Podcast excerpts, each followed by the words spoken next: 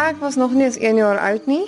Toe het my ma nou besluit ek moet 'n gaatjies kry. Toe het hulle besluit dit gaan minder seer wees as ek dit nie gaan onthou nie.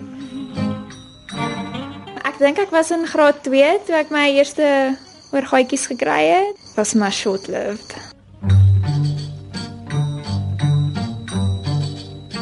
Al ooit gewonder waar die gebruik van oorlelperforering en die dra van oorbelle vandaan kom. Die gebruik is al duisende jare oud en dit is moeilik om 'n beskawing uit te sonder wat nie een of ander tyd met gaatjies in hulle ore gespog het nie. Die redes hiervoor is steeds vandag uiteenlopend. Vir sommige is dit blote versiering of 'n statussimbool, vir ander 'n vorm van selfuitdrukking, gelykvormigheid of rebelsheid. Of miskien het dit 'n religieuse of spirituele betekenis. Hoe dit ook al sy, die gebruik is al duisende jare deel van die samelewing.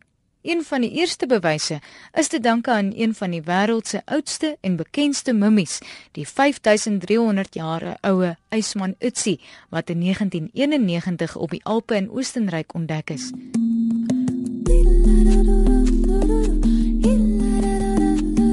Utsi se geperforeerde ore het aangesluit by die gebruik van oorlel vir rekking. Die voorkoms van 'n geperforeerde oorlel kom al duisende jare onder mans en vroue voor. Wat Afrika betref, is die Ethiopiese Mursi stam se vroue verplig gewees om ronde plate te dra, veral om die oorlel te verrek.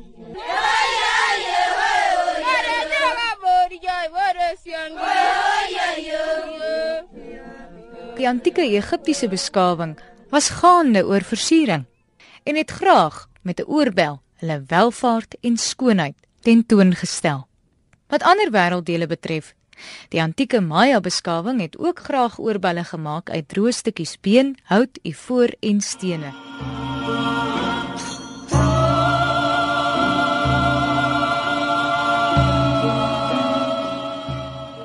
In die Romeinse ryk was jou oorbel 'n belangrike statussimbool. Dit was kennend van iemand wat nie hoef te werk vir 'n bestaan nie. Die vroue uit die adelstand het graag edelgesteentes gedra. In die Europese samelewing van die 16de eeu was dit weer die mans uit die adelstand wat met trots oorbelle gedra het.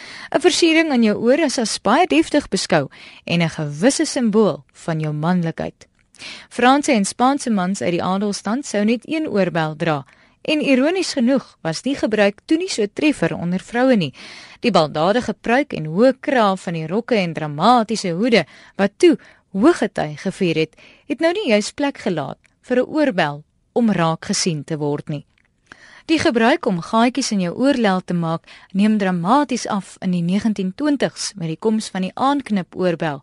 Toe was dit taboe vir 'n bedeeste, preetse, ordentlike dame om enigsins haar ore te perforeer.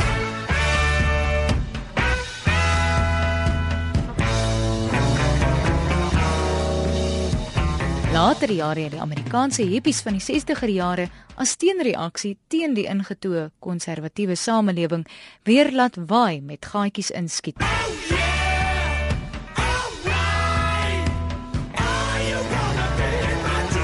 Bankrock beweging kort hierna het die gebruik verder geneem. Hoe meer oorbelle, neusringe en tongringe, hoe beter. Vandag het die meeste dames van jongs af al die gaatjie in die oor laat skiet en party kan selfs hulle gunsteling stelletjie oorbille onthou. Hulle was pers en lemmetjie groen. En ek het daai tipiese goue ronde oor balletjies gehad. Eenvoudige, simplistiese oorbelle. Little round earrings, even though I lost one of them always. Sou jy graag 'n oorbel wil hê? Nee. Dit lyk nie so goed op my ore nie. But